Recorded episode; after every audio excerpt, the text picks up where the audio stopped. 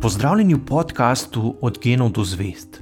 Moje ime je Sašo Dolinc in pripovedoval vam bom zanimive zgodbe iz sveta znanosti.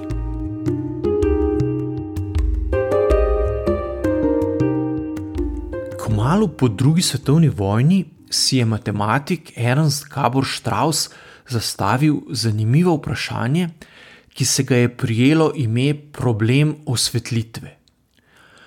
Zamislil si je, da bi stene sobe premazal s posebno srebrno barvo, tako da bi bile videti kot ogledala.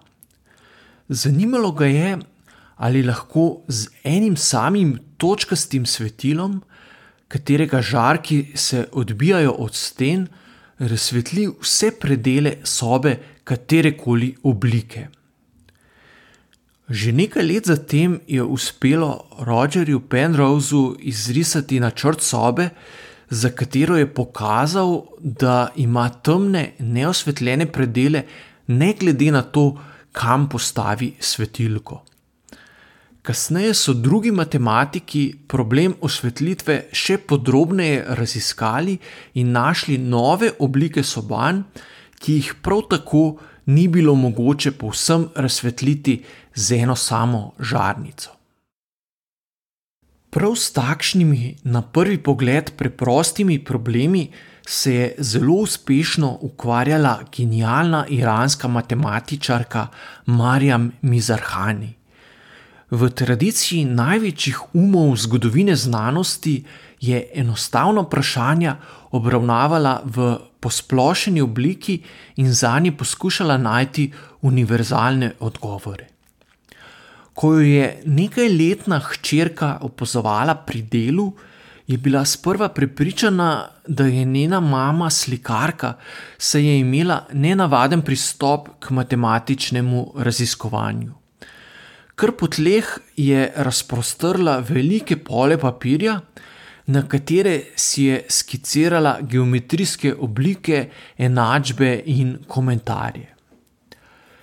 Matematika je v mladosti sprva ni zanimala, saj je raje prebirala romane in sanjarila, da bo postala pisateljica. Morda se je tudi zato kasneje zapletenih matematičnih problemov lotevala na podoben način, kot bi se pisanja zgodb. Poskušala se je uživeti v glavne junake, ki so imeli zdaj podobo geometrijskih likov in enačb, ter predvideti, kako se bodo obnašali v različnih situacijah.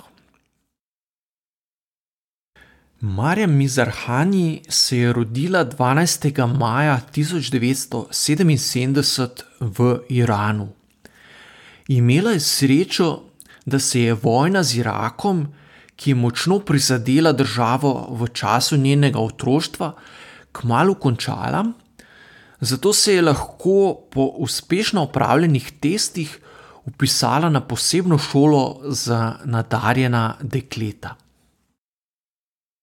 Že prvi teden je med novimi sošolci spoznala Rojo Behešti, ki je postala njena najboljša prijateljica in kasneje prav tako uspešna matematičarka.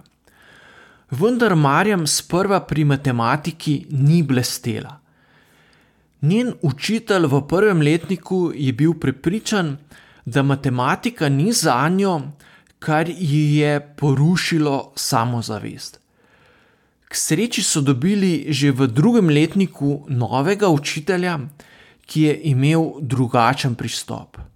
Začel jo je spodbujati, zato je hitro napredovala v znanju in kmalo postala najboljša na šoli.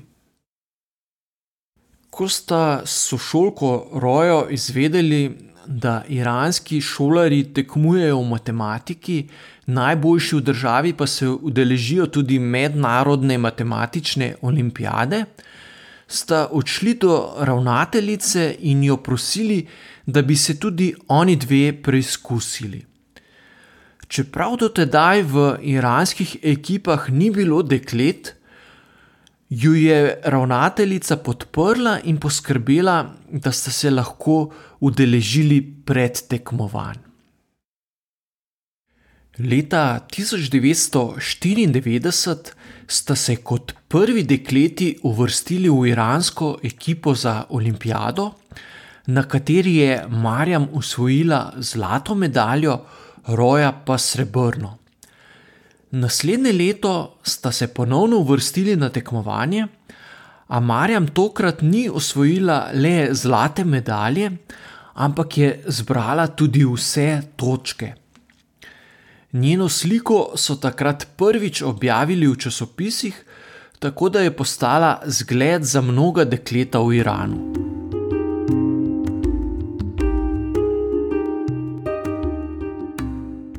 Marjam je izstopala tudi kasneje med študijem na univerzi Šarif v Teheranu. Profesor matematike je nekoč študentom zastavil nalogo, za katero jim naprej ni povedal, da za njo še nihče ne pozna rešitve. Marjam mu je že čez nekaj dni prinesla rešitev, ki jo je na to tudi objavila v matematični reviji. Med študijem na univerzi je prišlo tudi do velike tragedije, saj je voznik avtobusa ob vrnitvi srečanja za udeležence matematičnih tekmovanj zaradi dežja po noči zapeljal z ceste v reko. Roja in Marjam sta imeli srečo, kar sedem njunih sošolcev pa je v nesreči umrlo. Usvojitev zlate medalje na matematični olimpijadi seveda še ne pomeni, da bo uspešen tekmovalec hkrati tudi uspešen raziskovalec.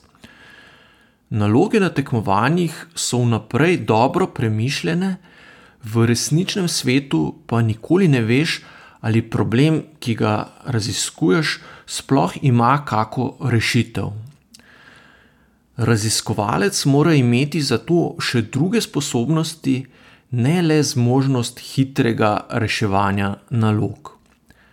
Marjam te raziskovalne žilice nikakor ni primankovalo. Po zaključku študija v Iranu sta z Rojo odšli na doktorski študij v ZDA. Marjam je obiskovala predavanja na Harvardu, Roja pa na MIT, tako da sta se še vedno lahko veliko družili.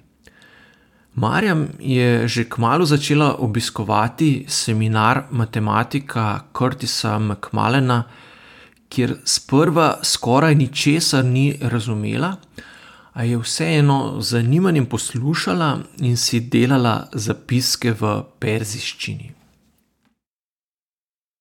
V doktoratu se je lotila preučevanja lastnosti ravnih krivulj na ukrivljenih površinah. Na ravni ploskvi je črta, ki jo za seboj pusti mravlja, ki lahko hodi le povsem naravnost, ravna črta. Če postavimo to isto mravljo na kroglo, bo opravila velik krog in se vrnila na izhodiščno mesto. Marjam je zanimalo, kako pogoste so take zaključene krivulje, ki jih za seboj pusti takšna mravlja na bolj nenavadnih površinah, kot so denimo večkratni torusi ali preprosteje rečeno krofi z luknjami. Za njen doktorat ki ga je zagovarjala leta 2004, pravijo, da ima več vsebine, kot jo ustvari povprečen matematik v celem življenju. Poleg novih enačb, ki opisujejo pogostost sklenjenih ravnih krivulj na različnih ukrivljenih površinah, je na nov način dokazala tudi izrek, ki je pomemben za fizikalno teorijo strun, iznašel pa ga je fizik Edward Witten. O zahtevnosti te izpeljave priča podatek, da je matematik, ki ga je prvi dokazal, za ta dosežek prejel Filcovo medaljo. Svoj pristop k matematičnemu raziskovanju je Marjam opisala kot počasen. O nekaterih vprašanjih je sistematično razmišljala tudi deset let in bila pri tem izjemno ustrajna. Bodoči mož, matematik Jan Vondrak, se je spominjal, da sta se še v času študija dogovorila, da gresta skupaj na tek. Začela je dokaj počasi, zato se je bal, da ne bo zmogla, a po pol ure, ko je sam že omagal, je še vedno tekla enako hitro kot na začetku. Po doktoratu se je poročila in odšla za štiri leta najprej na Univerzo Princeton, nato pa sta se z možem preselila v Kalifornijo, kjer je leta 2008 postala profesorica na Univerzi Stanford.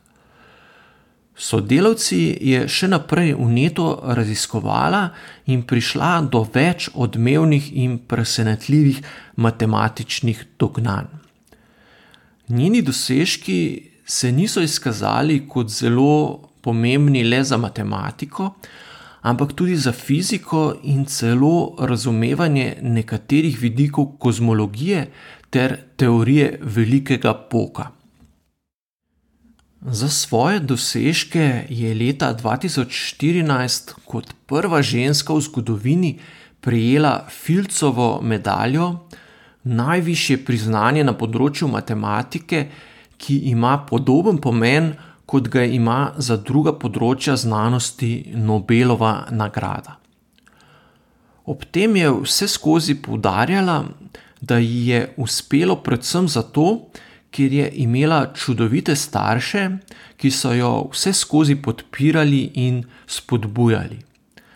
Prav tako sta ji bila v veliko pomoč dostop do odličnega izobraževanja, in skupina genialnih prijateljev, s katerimi se je lahko družila in sproščeno pogovarjala o najrazličnejših vprašanjih. Ko sta z možem v Kaliforniji dobila hčerko Anahito, so bili srečni in kazalo je, da jo čaka še dolga in plodovita znanstvena karijera. Vendar je leta 2013, le nekaj mesecev pred hčerkinim drugim rojstnim dnem, izvedela, da je zbolela za rakom dojke. Več let se je zdravila, vendar ji raka kljub operacijam in kemoterapiji ni uspelo premagati. Stara komaj 40 let je umrla. 14. junija 2017. Iranski predsednik Hasan Rohani je ob njeni smrti zavestno prekršil sicer strogo pravilo, da fotografij žensk brez zakrite glave v državi ni dovoljeno javno objavljati. Predtem so se namreč v iranskih časopisih trudili, da so na njeno glavo s pomočjo računalnika naknadno dodali ruto ali pa so objavili kako starejšo sliko iz časov šolanja na domači univerzi. Marja Mizarhani je tako postala ena redkih žensk v Iranu, katere sliko lahko mediji brez težav objavijo tudi brez zakritih las. Njen rojstni dan, 12. maj, pa so na pobudo iranskega društva matematikov razglasili za Mednarodni dan žensk v matematiki. To je bil podcast Od genov do zvest. Moje ime je Saša Dolence in z novo zgodbo se vam oglasim že k malu.